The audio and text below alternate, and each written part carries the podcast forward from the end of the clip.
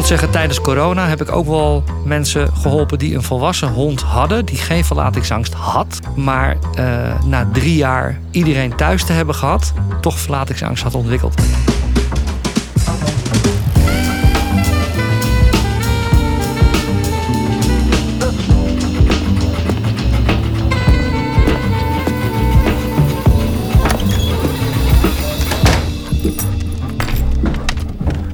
Welkom bij de eerste aflevering van 100%. De podcast die 100% in het teken staat van de hond.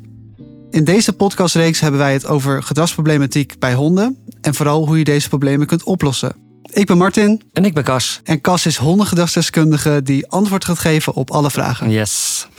Nou, Cas, hoe is het? Hi, goedemiddag Martin. Ja, uh, het is hartstikke goed, dankjewel. Mooi. Ik ben super blij dat ik hier uh, aan tafel zit om, uh, nou ja, goed, om, om te gaan praten over gedragsproblematiek bij honden.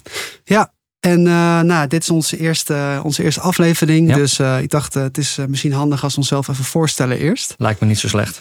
Dus beginnen met jou, Cas. Vertel eens, wie ben je, wat doe je? Dat is prima. Hey, nou ja, ik ben Cas dus. ik ben hondengedragsdeskundige.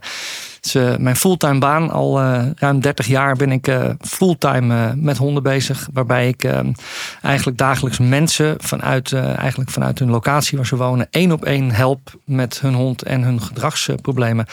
Ehm, waarbij nou ja, mijn werkwijze is afgestemd op de specifieke hond en op de specifieke baas. Dus echt wel, wel maatwerk te noemen. Ja, nou, en ik, ik ben Martin en ik ben jouw zoon. Yes. En, En ik heb natuurlijk vanaf de zijlijn altijd best wel gezien hoe jij dat uh, al heel lang doet. Dat klopt. Uh, eigenlijk al zolang ik mij kan heugen, uh, ja, train je al honden. Ja. Um, en nou ja, um, hè, wij wilden graag een podcast maken omdat um, je best wel veel vragen krijgt van mensen. Ja.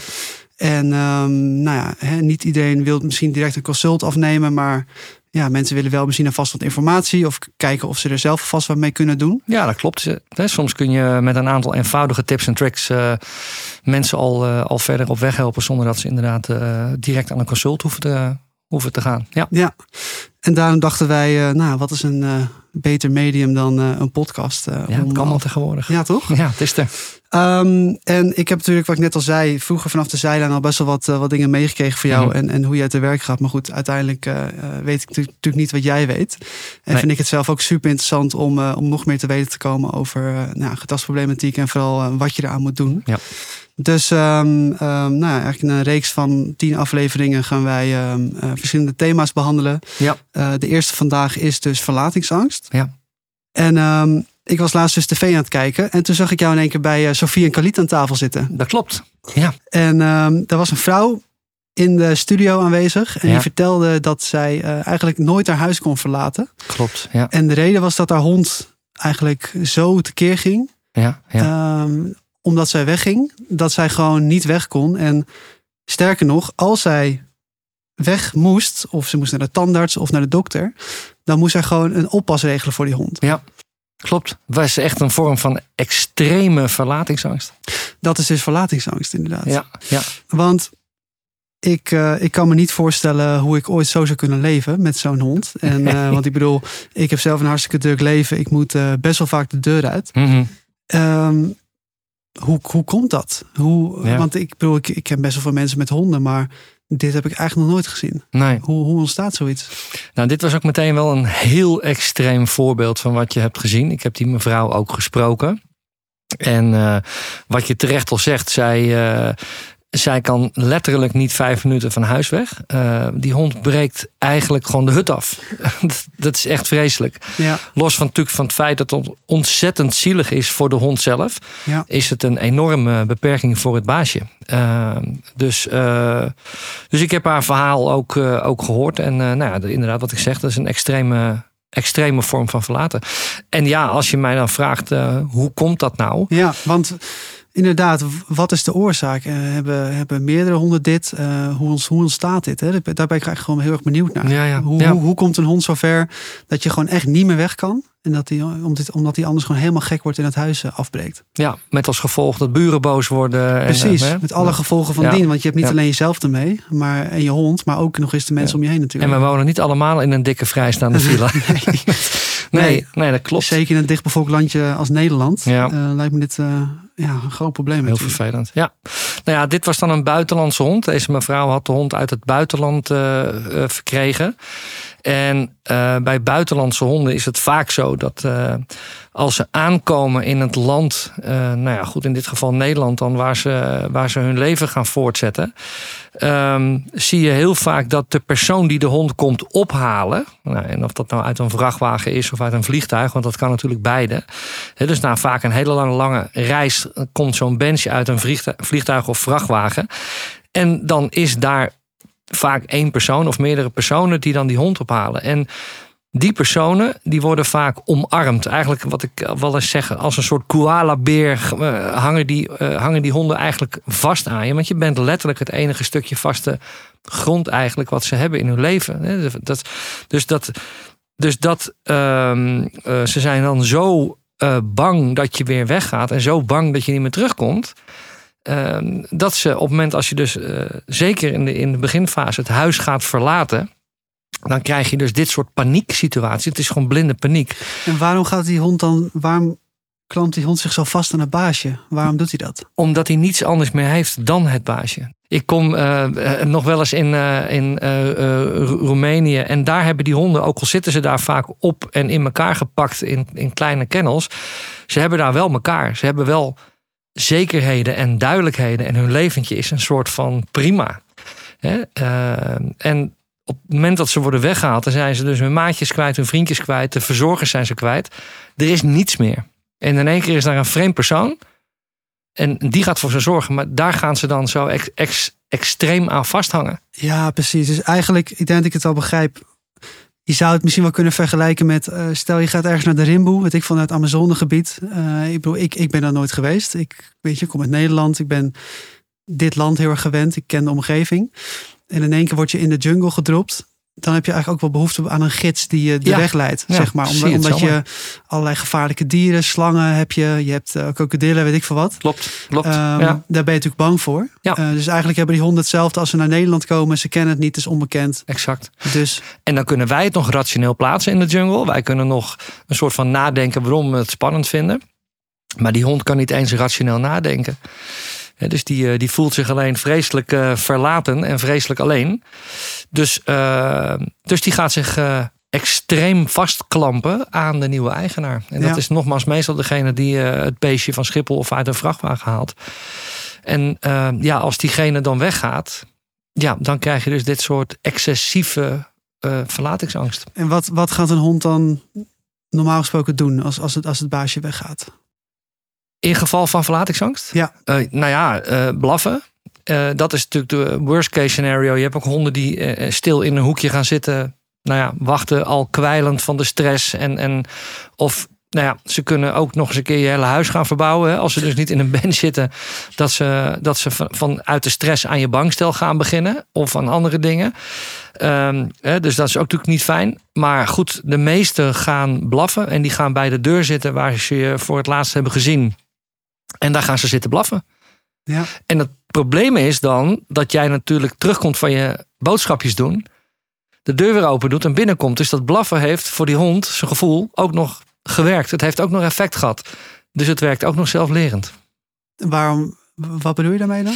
Nou, omdat, kijk, die hond die, die blaft omdat hij je mist. Dus eigenlijk is die voelt zich verlaten. Dus die is constant aan het blaffen, aan blaffen, aan blaffen. En there you are. Dus voor, Juist. voor het gevoel van, van zo'n hond heeft het blaffen effect gehad. Je bent teruggeblaft. Ja. Het is eigenlijk een soort schreeuw geweest. Je bent weer terug. ja. Dus dat gaat hij de volgende keer net zo hard weer doen. Net als een kind eh, die een snoepje wil van zijn moeder. eh, en maar door blijft zeuren. En uiteindelijk Ja, krijg je het. En, Ja, en, en, en dan, dan- ga je het de volgende keer weer doen. exact. Want je weet, Het boek succes. ja. Dus dan krijg je dat. Ja. Hey, en ehm, nou, eh, dit lijkt me echt, eh, wat ik net al zei, ik, eh, ik zou nooit zo kunnen leven. Het lijkt me super vervelend. Dus Ja. ja, hoe los je dit op? Waar ligt de oplossing voor, voor, voor dit soort honden? Want Mhm. het, het lijkt mij, het zijn ontzettend getraumatiseerde dieren. Ja. Ja, hoe, hoe ga je dan te werk? Mhm. Ja, de oplossing hiertoe ligt eigenlijk al, ehm, eigenlijk op de grondslag bij de eerste weken dat mensen zo'n hond opvangen. Omdat de meeste mensen gaan, eh, natuurlijk, en je wil voor zo'n dier zorgen, maar de meeste mensen gaan het vertroetelen. En die geven dat zo'n zo'n zo'n zo'n hondje of zo'n hond gewoon heel veel ruimte om uh, dingen te doen en niet te doen. Hè. Dus, dus vaak geven we de honden veel te veel ruimte. Hè. Um, wat van belang is, als je dus, nou ja, goed, als je dus binnenkort een hond uit het buitenland krijgt, dan is mijn advies ook: zodra je dat beestje binnen hebt, ga ook direct aan de slag. Geef hem één nacht om bij te komen om te slapen, maar laat daarna direct zien wat je ook waard bent als als leider zijnde. Maar heeft zo'n dier niet even tijd nodig om te landen dan? Want uh, hè, je komt in een compleet nieuwe omgeving. Klopt. Moet je dan niet even bijkomen van, uh, van de reis en, en niet even... Hè? Natuurlijk begin je rustig. Het is niet dat we meteen uh, een soort bootcamp gaan opzetten. Maar het is wel van belang dat je al vanaf dag één... het zij inderdaad op een rustige manier... maar toch wel laat merken van wat je spelregels zijn... in die nieuwe roedel want dat zou, uh, als je zo'n hondje uit het buitenland in een roedel honden zou plaatsen, dan zou zo'n beestje ook niet een week of twee weken de tijd krijgen om bij te komen. Want die honden zijn ja, gewoon wat genadelozer, zeg maar. Ja, die moeten natuurlijk jagen en functioneren. En dan heb je niet exact. Echt, uh, en een roedel, daar bedoel je mee, dat is gewoon een groep honden hè, die samenleven. Ja, en, uh, klopt. Waar ook inderdaad zeg maar een hiërarchie is. En waar je een alfa hebt en waar iedereen zijn eigen taak heeft. En, en honden zijn daar vrij, uh, vrij bazaal in. Die geven eigenlijk vrij direct af van, nou ja, welkom in de roedel, maar dit zijn onze spelregels en daar ga je aan houden. Ja. En zo werken honden onderling. Dus ik denk dat het voor ons dan de taak is om een klein beetje die, dat uit te dragen. Dat we in ieder geval wel laten merken dat we ook een roedeltje hebben. En waar bepaalde gedragingen gewend zijn en bepaalde uh, gedragingen ook zeg maar uh, niet gewend zijn. Ja. En dat begint eigenlijk direct al als ik hondjes krijg uit het buitenland die ik eh, wel eens opvang thuis. Ja, dan begint het meteen de eerste dag na, na binnenkomst. Nogmaals heel rustig, maar ik ga wel rustig aan mijn regels afgeven. Ja. En wat is dan stap 1? Uh, hoe begin je? Nou ja, stap 1 kan zijn bijvoorbeeld hè, dat als je gaat, uh, gaat eten, dat het beestje in zijn man moet blijven. Dat hij niet uh, het eten van je bord mag stelen. Want vaak komen ze van straat af. zijn regelloos en grenzeloos. Dus je moet eigenlijk met de meest basale dingen waar je normaal gesproken met een pup eh, mee begint, moet je ook met zo'n hondje gaan beginnen. Dus ik vind vaak een regel dat hij op gezette momenten in zijn man moet blijven. Onder het eten. Dat is natuurlijk een heel mooi eh, moment om, om aan te geven wat je van hem verwacht terwijl wij eten. En dat is één, één voorbeeldje die, nou ja, die je eigenlijk vrijwel direct kan toepassen. Ja, dus echt direct beginnen met trainen. Ja. Um, en, en ja, gewoon eigenlijk uh, niet te veel tijd geven om, uh, om zijn eigen gang te gaan. Maar vooral, vooral duidelijk maken van dit zijn onze regels.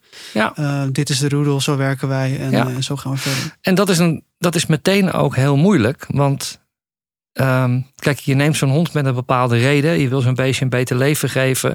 Dus er speelt heel veel emotie mee. Er speelt heel veel empathie mee, menselijke gevoelens mee. Um, dat is zeg maar de manier waarop wij mensen werken. En wij projecteren eigenlijk onze menselijke psychologie op die hond. Terwijl als ik diezelfde hond zou plaatsen, dus nogmaals in een stabiele roedel, dan zou er heel anders mee omgegaan worden. Ja. Dus wij worden eigenlijk de, de, de, meest, ja, de meest zwakke leiders, omdat wij empathisch gevoel hebben, we medelijden, vaak honger gehad, et cetera, et cetera. Dus wij stellen ons op een bepaalde manier op en dat is bijna contra dan wat honden onderling zouden doen. Ja, ja oké. Nou goed, ik snap wat je zegt. Hè? Dat, uh, in theorie begrijp ik het helemaal. Dat een hond inderdaad een volgdier is. En dat je een alfa hebt. Alleen, ik weet niet, het klinkt voor mij ook ergens een beetje ongezellig of zo. Je wilt toch ook... Hè, want ik, ik heb nu op dit moment even geen hond. Wel altijd met honden, honden opge, opgegroeid geweest. Maar wat ik zo'n fijn vind aan een hond, is dat je ook de hond lekker kan vertroetelen, een beetje kan knuffelen of spelen. Ja. Dat is toch ook waarvoor je een hond neemt. Je neemt er geen hond om eigenlijk een soort van alfa te spelen de hele dag. Ik bedoel, dat moet je misschien op je werk al, maar als je thuis komt, wil je gewoon lekker kunnen knuffelen, toch? En gewoon fijn met die hond kunnen zijn. Ja. Um, kan dat dan helemaal niet meer? Jawel, dat kan wel. Ik denk dat uh, het goed is om te zeggen dat, uh, kijk, het geven van affectie, want ja, dat noem je een affectie, vertroetelen, knuffelen, mm -hmm. spelletjes doen, wat dan ook thuis, dat is op zich allemaal prima. Maar niet als een hond, en dan zeker inderdaad als we het over buitenlandse honden hebben die zeg maar nog niet in balans zijn. Is dat het gevaar bestaat dat je affectie gaat geven. Dus eigenlijk bevestigend uh, gaat optreden. Dus met braafjes en, en, en good boy en goede woordjes. Terwijl die hond misschien helemaal niet in balans is. Of, of op dat moment bijvoorbeeld angst of onzekerheid ervaart. En daarmee bekrachtigen we dan gedrag wat eigenlijk niet gewenst is. En dan werkt affectie in je nadeel. Want de hond snapt dan eigenlijk niet hè, dat het gedrag wat hij vertoont, dat dat niet goed is. Oké. Dus dat gezegd hebbende, um, ik zeg altijd tegen mensen: time uh, je affectie. Dus kijk inderdaad, is de hond volledig ontspannen, rustig. Uh, hè, dat kun je ook zien dat hij lekker op zijn zij ligt of op zijn rug of helemaal ontspannen is. En op het moment als dat inderdaad aan de orde is, ja, dan kun je affectie tonen en dan kun je knuffelen en spelen. Ja, okay. Vooral op, of eigenlijk goed kijken wanneer je het doet. Dus de affectie moet getimed zijn. Dus jij zegt eigenlijk, hè, als die hond echt relaxed is, en dan moet je dan wel kunnen herkennen natuurlijk, wanneer een hond op zijn gemak is. Ja ja, wat, waar zou het aan herkennen? Ik denk als hij op de bank ligt en hij, hij slaapt, dan is hij natuurlijk wel relaxed, lijkt mij. Hm, ja. Zijn er nog meer dingen waar je op moet, letten, hoe je dat weet? Ja, nou, ik denk dat een heel sprekend voorbeeld is dat uh, wat wij als mensen doen, als wij bijvoorbeeld een hond zien met angst. Neem nou bijvoorbeeld iets heel veel voorkomends. We krijgen, uh, zeg maar, met uh, oud en nieuw krijgen we weer die maanden dat er constant vuurwerk wordt afgestoken. Nou, zie je dat hoop honden daar last van hebben. Ehm, en die honden die uh, gaan ook onder een bank of onder een tafel liggen of wat dan ook. Hè. Dus er is echt sprake van angst. En dat is dan ook wel terecht, hè, want dat is natuurlijk ook voor heel veel honden niet fijn. Maar dan gaan vaak de baasjes met een hoog stemmetje tegen die hond praten. Hè, van het is niet erg, kom maar hier, het is goed. Om gerust te stellen. Ja, alleen het probleem is dat je diezelfde bekrachtigende stem gebruikt als die iets doet wat je wil met een training. Bijvoorbeeld als hij gaat zitten of liggen of een pootje geeft. Aha. Dan zeg je ook met een hoge belonende stem goed zo en braaf. En diezelfde intonatie gebruik je op het moment als die hond bang is. Ja. En dat kan dus heel verwarrend werken. Want de hond is bang, nou dat wil je niet, maar we gaan het wel met stem. Kom maar hier, het is goed. Dus we gaan heel bekrachtigend eigenlijk tegen die hond praten. Terwijl we niet willen dat hij bang is. Dus die hond koppelt eigenlijk de woordjes en, de energie die erachter zit, dat hoge stemmetje aan exact. iets positiefs. Ja. Dus die wordt gewoon echt beloond voor, voor, voor de angst. Voor dat gedrag, ja. Duidelijk. En dat is het gevaar een beetje aan. En vandaar dat ik zeg, vraag, stel jezelf altijd, zeker met een buitenlandse hond, de vraag van: hey, ik kijk naar mijn hond, staat de staart omhoog? Is die vrolijk? Is die ontspannen? Want hè, daar, dat zie je best wel snel, hè? Of een hond echt angst ervaart met het staartje tussen de benen. Ja, precies. Uh, want ik hoor vaak ook van jou, staart tussen de benen is eigenlijk ja. angst. En als hij kwispelt, dan is hij blij en op zijn gemak. Of... Ja, nou, niet alle kwispels zijn per se blij. Kwispel okay. kan heel veel betekenen. Uh, maar goed, het, uh, het is wel zo dat als hij echt tussen de benen zit. Hè, en dan de oren heel laag en vaak een beetje een sluipende houding. Hè, dus echt uh, ook het lijf tussen de schouderbladen heel laag. Nou ja, dan weet je dat hij niet, niet senang is. En ja. dan zou ik eerder gaan uh, een rustig plekje geven om te gaan liggen. En zeg maar wat meer sturing geven om de rust wat te hervinden. Uh, dus, dus eigenlijk als een hond bang is of onzeker is, dan juist gaan leiden. Met heel veel rust en duidelijkheid. En op het moment als, je, ja, als er ontspanning is en hij loopt lekker uh, door het huis heen met een speeltje, ik noem maar even iets geks, en dan weet je dat hij ontspannen is of hij staat lekker. Nou ja, je ziet het als een hond jolig is en, ja. en lekker relaxed is. Nou, dat zijn zeker de momenten dat je, die je kunt uh, aangrijpen om, om affectie te geven, om liefde te geven. Absoluut, dat hoort er allemaal bij. Dat is all in the game. Daarvoor hebben wij ook honden. Precies. En daarvoor nee, ja, hoor, ik snap ook. Ja, zeker. Ja. Nee, dat is de allerbelangrijkste waarom we een hond hebben. Ja. Um, dus wij doen als baasjes ook eigenlijk haast niets liever dan affectie geven. En braaf zeggen en goed zo. En constant maar bekrachtigen. Ja. Maar als een hond niet in balans is, dan zou ik daar persoonlijk heel erg voor waken en eerder gaan leiden en sturen. Oké, okay, dus eigenlijk als, als ik het kort samenvat, is het vooral in het begin uh, wat meer je momentjes goed, goed uh, uitkiezen, uh, strategisch. Ja. Wanneer de hond echt relaxed is. Maar Ja. als de hond dus bang is, vooral niet te veel belonen eigenlijk daarmee door. Exact. Ja, Omdat je eigenlijk het ongewenste gedrag dus bekrachtigt en beloont. ja, Ja. nou helemaal duidelijk. Oké. Ehm, maar goed, nu heb je in ieder geval eh, de hond niet te veel beloond tijdens dat hij angstig is. Ehm, Mhm. Je begint gelijk met trainen zodra hij thuis komt, regels. eh, hij weet wat hij aan, waar hij aan toe is. Ja. Maar goed, nu loop je de deur uit en hij begint alsnog eh, met piepen, blaffen en het huis te verbouwen. Ja. Ja, hoe los je dat op? ja, kijk, verlaat ik zijn angst trainen, zeg ik doe je thuis. Verlaat ik zijn angst, ehm, zit hem ook vaak in factoren dat ze, dat ze het eigenlijk al niet vertrouwen wat er gaat gebeuren. Dus het is ook een, vaak een tekort aan vertrouwen.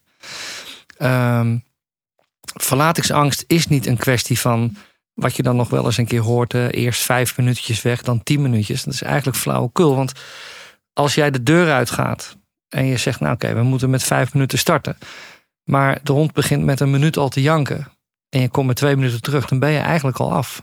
Waarom? Nou, omdat die hond je weer teruggeblaft heeft. Dus het heeft wederom effect gehad. Dat is eigenlijk wat je net zei. Dus, exact, ja. Dus de hond gaat blaffen en die denkt, uh, nou, dit is een goede methode. Precies. Als ik, hoe meer ik blaf, hè, hoe, hoe, sneller, die terugkomt. die terugkomt. Ja. Of dat hij überhaupt terugkomt eigenlijk. Nou, ja, precies.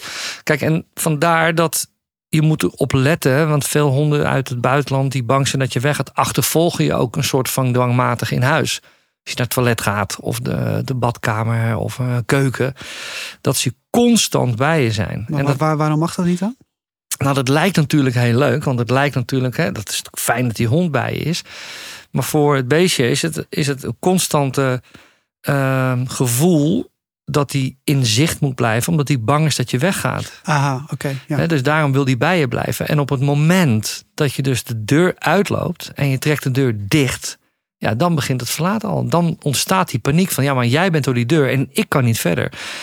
En omdat die hond gewend is je constant te achtervolgen, nou ja, voilà, dan heb je de verlatingsangst al te pakken. Dus verlatingsangst, wat ik net zei, train je thuis. Dus dat betekent dat je de hond al kunt leren door gewoon op de plek te blijven als je even naar de keuken gaat om een kop koffie te halen. Of als je even naar het toilet moet. En, en hoe gaat het dan? Want, want dan loop je weg en die hond komt uiteraard achter je aan in het begin. Ja. Wat, wat doe je dan? Moet je hem terugsturen? Of, of, ja, vooral terugsturen naar de plek waar die lag. Dus het hoeft niet per se een bench of een mand, want het gaat zeker niet. Het is ook absoluut geen straf. Ehm, maar het is vooral dat je hem terugbrengt naar de plek waar hij op dat moment lag. Dus eigenlijk is je boodschap: je hoeft me niet te achtervolgen, ik kom zo terug. En dat stukje rust trainen, als je al een hond hebt die op een gegeven moment gewoon lekker rustig blijft liggen, zich overgeeft, dan heb je al een heel groot deel van dat verlatingsangst heb je getackeld. Mm Om even in de hondentermen te blijven. Ja, precies. hey, maar nou, nou, nou, nou, ligt hij lekker in zijn mand. Dus je hebt eigenlijk getraind dat als je, als je nou ja, op een gegeven moment buiten beeld bent voor de hond, ja. dat hij dan in ieder geval rustig blijft. Ja. Um, maar zo'n hond, dat wil toch niet, dat wil niet per se zeggen dat als hij dan in zijn mand ligt en je bent buiten beeld, dat hij dan ook rustig is, toch? Nee. Nee, klopt. Nee. nee, ik adviseer meestal mensen ook. Kijk, het zijn natuurlijk tijd. Uh, consumers, time consumers zeg ik altijd. Want ja. kijk, op het moment als, als je zover bent dat die hond je niet meer achtervolgt, ja, dan kun je niet zeggen, nu ga ik een uur sporten. Nee. Weet je wel? Dus er zit altijd, dan moet je opbouwen. En wat ik dan adviseer, Kijk, en de meeste mensen hebben toch de eerste paar weken altijd wel vrij zo'n hond uit het buitenland krijgen. Want ze weten dat dat tijd kost. En vaak slechte nachtrust. Maar goed, dat even geheel terzijde. Maar um, ik adviseer meestal: ga uh, als je zover bent dat die blijft liggen, ga eens je tuin harken. Ga even naar buiten, dat hij je af en toe even voor het raam voorbij ziet komen. Ga je auto stofzuigen. He, mensen krijgen ook nog eens een keer een mooi schoon huis en een auto van, de, van mijn adviezen. Maar um, dus dan ben je er wel niet. Snap je? Ja. Um, dus tegen de tijd dat de hond denkt van hé, hey, waar is hij nu? Dan heeft hij alweer voorbij het raampje komen lopen. En dat moet het vertrouwen geven dat je dus inderdaad uh, dat hij, dat hij het kan opbrengen om gewoon om te blijven liggen. En dat, dat moment van wegblijven, dat maak je steeds langer. En dan is het helemaal fijn. Want ja, je moet een keer dus wel een keer in die auto in en boodschappen gaan doen. Dan is het fijn om te monitoren. En dan kom je uit op een uh, eenvoudig IP-cameraatje. Ah. Zodat je het kunt monitoren. Oké, en, en, en um, dan, dan wat, wat doe je daarmee? Dus dan kun je zien of die blaft of niet. Dus dan, dan weet je. Exact. Maar stel hij, hij blaft dan wel en gaat helemaal door het lint. Moet je dan weer, is het, ben je dan weer terug bij af? Of hoe? Nou, dan ben je, heb je in ieder geval de grote stappen gezet. Ja. Uh, want eigenlijk als je de auto kunt wassen en je kan de tuin doen, dan zeg ik wel eens ga even uh, tien minuutjes lopen of ga een bakje koffie doen bij je buren. En monitor dan eens live wat er gebeurt. Dus dan kun je ook zien, blijft hij rustig, geeft hij zich over. Maar zorg er in ieder geval voor dat voordat hij onrustig wordt, dat je alweer terug bent. Dus dat Ja. niet het blaffen en niet het verlaten, de angst daarvoor, wordt beloond. Ja, check. En dat maakt het ook zo'n eh, zo'n lastige oefening, omdat het gewoon heel veel tijd kost. Ja, dat kan ik me voorstellen. Ook überhaupt al het, ehm, eh, als die hond eh, eigenlijk je achtervolgt, dan moet je natuurlijk constant terug naar zijn man sturen. Ja, of brengen, liever met een riempje of om. brengen, oké. Ja. dus ja, ja precies. Ja. Dus, dus eigenlijk, ja, hoe, hoe, hoe zou je dat doen inderdaad? Ehm, want je zegt Mhm. heel vaak eh, weinig spraak. Ja. Geldt dat ook in dit geval dus? Als, Ja. je, als je een hond terugbrengt? Ja, het liefst wel. Want het, probleem is als je spraak gaat inzetten, is dat je vaak vanuit je luie stoel gaat, gaat praten. Of vanuit de keuken of vanuit de badkamer of wat dan ook. En als de hond niet luistert, ga je stem verheffen. En voordat je het weet, zit je in een soort woordenwaterval. En het beestje heeft geen idee wat je allemaal Ja. zegt. Want die komt uit Roemenië, die spreekt geen Nederlands. Nee, precies. je snapt. Nou, weet je, dus, dus daar moet je voor waken. En plus ook weer, honden die praten ook niet met elkaar, maar die handelen fysiek. Hè? Leiders ja, raken aan. Dus het beste is gewoon riempje omdoen en rustig meenemen naar de plek. Maar die rust is gewoon echt van belang, want dat Ja. schept ook weer een vertrouwensband. Nou, et cetera, et cetera. Maar dat kan wel heel lang duren, lijkt mij. Dat kan zomaar weken en in sommige gevallen wel eens maanden duren. Ja, maar ik, ik bedoel eigenlijk het, eh, hè, als je een hond terugbrengt, die gaat gewoon weer teruglopen. Ja, Want die hond denkt van ja, ik ga, ga toch weer even kijken. Ja, en, en, dan, ja. en dan moet je hem weer terugbrengen. Ja, dat klopt. En, ik heb dat- en we hebben dat eh, zelfs met eh, Dyson destijds hier ook gedaan. Dat we hem gingen Ja. eten en dat hij in het mandje moest blijven. Ja. En die heb, daar heb ik een stukje filmtruc van jou gemaakt. Wat ik vaak ook laat zien bij mensen thuis. Ja. Dat het een stoïcijns... eh, kijk, het, het is gewoon, het is gewoon de, de wet van de langste adem. Hè? ja, je moet wel een engelengeduld hebben dan. Zeker. Ja, ja, maar ik, het is ook leuk als je los van een engelengeduld probeer ik er altijd een soort sport van te maken. Dus ik zeg altijd van. En meestal zit dat in mijn infomap zit ook een soort, eh, ja, wat is het? Een soort timesheet dat je kunt bijhouden. Welke oefening je doet, hoeveel herhalingen of tijd tot Mm. gewenste resultaten. Dus ik probeer er ook een sport van te maken. In plaats van een last. Hè, want mensen, jeetje, mina, wat wel een gedoe. Ja, Maar je moet er ook eigenlijk, op het moment dat je weet, je hebt de kennis om het te doen, dat je er dan ook een sport van maakt. En dan is het ook leuk om te doen, omdat je de progressie gaat zien.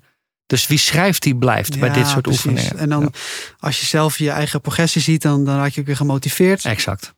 En dan, ja, dat geeft voor jezelf ook weer een soort van zetje in de rug om, om door te blijven Exact. Ja, precies. En dan zul je verrast zijn hoe snel je ook resultaat kunt boeken. gaan. Mhm. Als je maar op een consistente, consequente, overtuigde manier rustig doorzet, Ja, komt altijd goed. ja. Maar dit, weet je, ik zeg altijd, het is niet een, een- de vraag of je het voor elkaar krijgt, maar wanneer. ja, Maar al, je krijgt het altijd voor elkaar. Ja. De eerste hond die het niet opgeeft, moet nog geboren worden. ja. Alleen we zijn vaak te ongeduldig of te haastig. Weet je, of hè, ik zeg wel eens, ook met verlatingsangst, zeker als je een gezin hebt, dan komt het zelfs op planning aan. Daar moet je gewoon een agenda voor maken. Want het lijkt mij dat, dat het ook belangrijk is dat, dat iedereen uit het gezin eh daaraan meedoet. Absoluut. Ja, en sterker Want nog, als, als, als, ja, misschien als, als één persoon net iets eh, wat korter geduld heeft, dan, dan lijkt het mij dat het al best wel snel kan mislukken. ja, dat is, dat is zeker waar. En ik vraag het ook altijd tijdens mijn consults van wie heeft er het meest geduld. Dat is één ding. Maar je zit ook met een stukje tijdsplanning. Ja, Want het moet ook uitvoerbaar zijn. Hè? nou ja, Eh, precies. Want eh, als ik naar mezelf kijk, ik eh, moet elke dag eh, de deur uit eh, rond een uurtje of half negen. Ehm, hoe zorg je ervoor dat je die tijd hebt? Want ik moet gewoon weg namelijk. En als de, de rest van het huis ook al weg is, iedereen is al richting werk of naar weet ik veel wat. Mhm. Ehm, eh, en je moet, ik moet bijvoorbeeld echt een bepaalde, op, op een bepaalde tijd op mijn werk zijn. Ja. Omdat er gewoon sessies ingepland zijn. Dus Ja. ik kan- kan het me niet veroorloven om dan langer thuis te blijven voor die hond. Hoe, mhm. Heb je daar misschien nog tips voor? Hoe zou, je- hoe zou je dat dan aanpakken qua time management meer? Nou ja, dat is eigenlijk sowieso bijna, zou ik dan zeggen, bezint eer begint. Want op het moment als je als gezin zegt van joh, eh, we gaan een hond adopteren. Dat, ik ga even nu nog van de adoptie uit. Hè, maar Mhm. goed, hetzelfde met een pup. Misschien nog wel, misschien nog wel intenser zelfs. Maar even van een adoptiehond uitgaande. Is als je de illusie hebt dat je binnen een week weer straffeloos aan het werk kan dan raad ik de mensen aan om het niet te gaan doen. Want dat, dan kom je van een koude kermis thuis. Want dit zijn, eh, dit, weet je, die eerste weken zijn echt van cruciaal belang. Misschien wel de eerste maand. Dus ik denk dat je er als gezin sowieso een goed plan voor moet creëren. Nou, dat, daar help ik dan mensen mee. Hm. Maar dat er minimaal een maand, zeg maar, getraind kan worden. Dus onder controle getraind kan worden. Voordat die deur wordt dichtgetrokken en iedereen moet weer naar zijn werk moet er eigenlijk dan wel echt wel een maand tussen zitten. Ja. En die maand ga je gebruiken om vertrouwen te bouwen. Om hem niet te laten achtervolgen. Regels en grenzen mee te geven in je nieuwe roedel. Ja. Ja, en dan bouw je hem rustig op. En dan gaat het goed komen. ja, dus we hebben het nu eh, vooral gehad over, of eigenlijk alleen maar over buitenlandse honden. Ja. Komt het ook veel voor bij tussen aanhalingstekens normale honden? Ja, of puppies. honden uit puppies uit Nederland? Eh, ja. Zeker. Ja. Oké. Eigenlijk mm, ja, toch wel net zoveel. Eh, het, het is een heel veel vo- voorkomende hulpvraag. Ehm, en dat is bij buitenlandse honden, maar ook bij jonge honden. Dus vooral puppies zeg jij. Komt Ja, veel eigenlijk- voor? Ja, toch wel. Ja. En ik moet zeggen, tijdens corona heb ik ook wel mensen geholpen die een volwassen hond hadden, die geen verlatingsangst had. Maar eh, na drie jaar iedereen thuis te hebben gehad, toch verlatingsangst had ontwikkeld. Dus, maar goed, dat zijn, dat zijn de uitzonderingen. Oh, omdat hij dus gewend is geraakt Ja. aan de aanwezigheid van Ja. iedereen thuis. En hij vond het wel gezellig waarschijnlijk. Exact. Ja. En Dus, toen was er plots een vaccin en iedereen verliet het huis weer. En, en Ja. toen moest hij eigenlijk opnieuw wennen exact. aan het feit dat, dat, nou, dat het baasje weg was in één Ja, keer. precies. Ja. Dus, dat, eh, dus dat kan ook. Maar dat is niet een heel veel voorkomende vorm. Maar bij, bij puppies is het zeker veel voorkomend. Want ook daar gaan die dingen eigenlijk op dezelfde manier wel toch wel een soort van mis. Ja. Eh, En, en is de oplossing nou ook hetzelfde? ja, ja, ja, in, C, ja, ja, in, in, in, ja, eigenlijk wel. Want in die end doe je toch wel precies hetzelfde. Niet laten achtervolgen. En dus even kijken van waar ligt je startpunt. Hè? Kun je je auto wassen? Kun je je tuin doen? Kun je die deur dicht trekken? Kun je naar de buren koffie doen? En kun je met je camera, want die camera is cruciaal. Want die geeft wel aan van oké, ik ben bij, bij, bij wijze van spreken 15 minuten weg. Een soort van babyfoon eh, eigenlijk in dit geval. eh, ja. In die is gewoon precies hetzelfde. Ja. Ja, en er zijn tegenwoordig eh, bij Coolblue prachtige. Ik heb dan, ik gebruik zelf een, een eh, Eufy eh, IP cam. Dat is een indoor cammetje. Niet gesponsord trouwens. Niet nee. het is meer eh, een stukje ervaring die ik heb. eh, doordat eh, met name die cameraatjes werken wel, maar heel veel apps zijn vaak wat lastig of werken net niet lekker. Oh ja. Maar die Eufy-app werkt, vind ik heel fijn werken. En ik, ik steek een SD-kaartje van 16 gig in dat cameraatje. En ik kan los van de live beelden, kan ik ook nog eens een keer gewoon mijn hele afwezigheid terugkijken. En dat vind ik ook van belang, want kijken op een camera geeft een momentopname. Maar ik wil ook kijken, zeker als je wat langer weggaat. En ik ben een uur weg geweest. Wat is het verloop? Is die vaak wakker? Eh, woelt hij veel in zijn mandje? Loopt hij veel door het huis? Drinkt hij veel? Wat is eigenlijk het gedrag van de hond? Oké, en en waar, waar, waar let je nou op specifiek? Nou ja, toch. eh, kijk, honden die zeg maar nog niet helemaal senang zijn, die doen heel veel korte hazenslaapjes, zijn alert op geluiden buiten, staan vaak op, lopen naar de deur. Eigenlijk nog wel steeds wel signalen van toch wel eh, van verlatingsangst.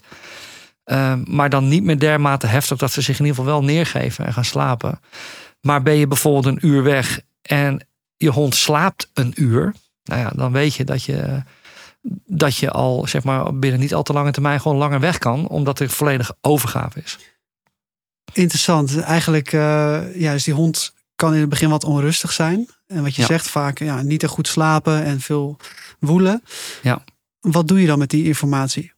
Nou ja, kijk, op het moment als je eh, ziet dat je, dat je hond constant toch wel een beetje druk is en, en onrustig is, dan moet je het niet gaan pushen. Dan moet je niet zeggen van we gaan Nee, even gezellig vier uurtjes weg, want dat is gewoon te lang. Ja. Dan is het meer een soort van management van kijken van oké, wanneer is die even rustig en wanneer slaapt hij even?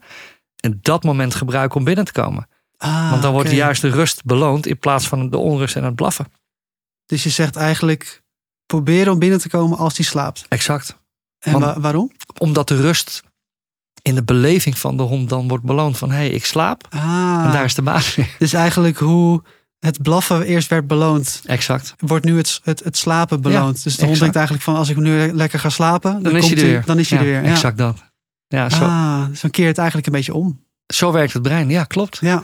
En dan wordt eigenlijk het gewenste gedrag beloond. En dat is, eh, Ah. dat is wat hij gaat leren. Interessant. Grappig, hè? En dus, dus eh, nou, en daar kan zo'n cameraatje, zeg maar, die live beelden weer ontzettend goed bij helpen. Zeker in de beginfase. Ja, Zeker in de beginfase. En kijk, je kan er ook, maar goed, dat, daar, daar moet je dan wel weer voor waken. Je kan door die die UV-camera kun je ook heen praten. Er zit een speakertje in, echt als een babyphone functie. Werkt dat? Hebben honden dat dan uh, door? Of, uh... Ja, nou, weet je, ik gebruik hem liever niet. Uh, anders dan wordt het weer van, nou ga maar slapen lieverd. Het baasje komt zo terug. Dan dat, dat soort geknutsel. En ja. je kan beter op tijd terug zijn zonder wat te zeggen. Ja. Nou, super interessant. Ik heb eigenlijk uh, ja, geen vragen meer. Het is voor mij gewoon. Dan ben ik duidelijk geweest. Ja, voor mij heel leerzaam. Ik, ik hoop ook voor de mensen thuis. En um, nou, ik wil je in ieder geval super erg bedanken voor, voor je tijd. En, super graag gedaan. En ik hoop jullie allemaal, allemaal weer te zien in de volgende. Ik ben erbij. Ik ook. Oké. Tot dan. Hey, thanks man. Doei doei. Hoi.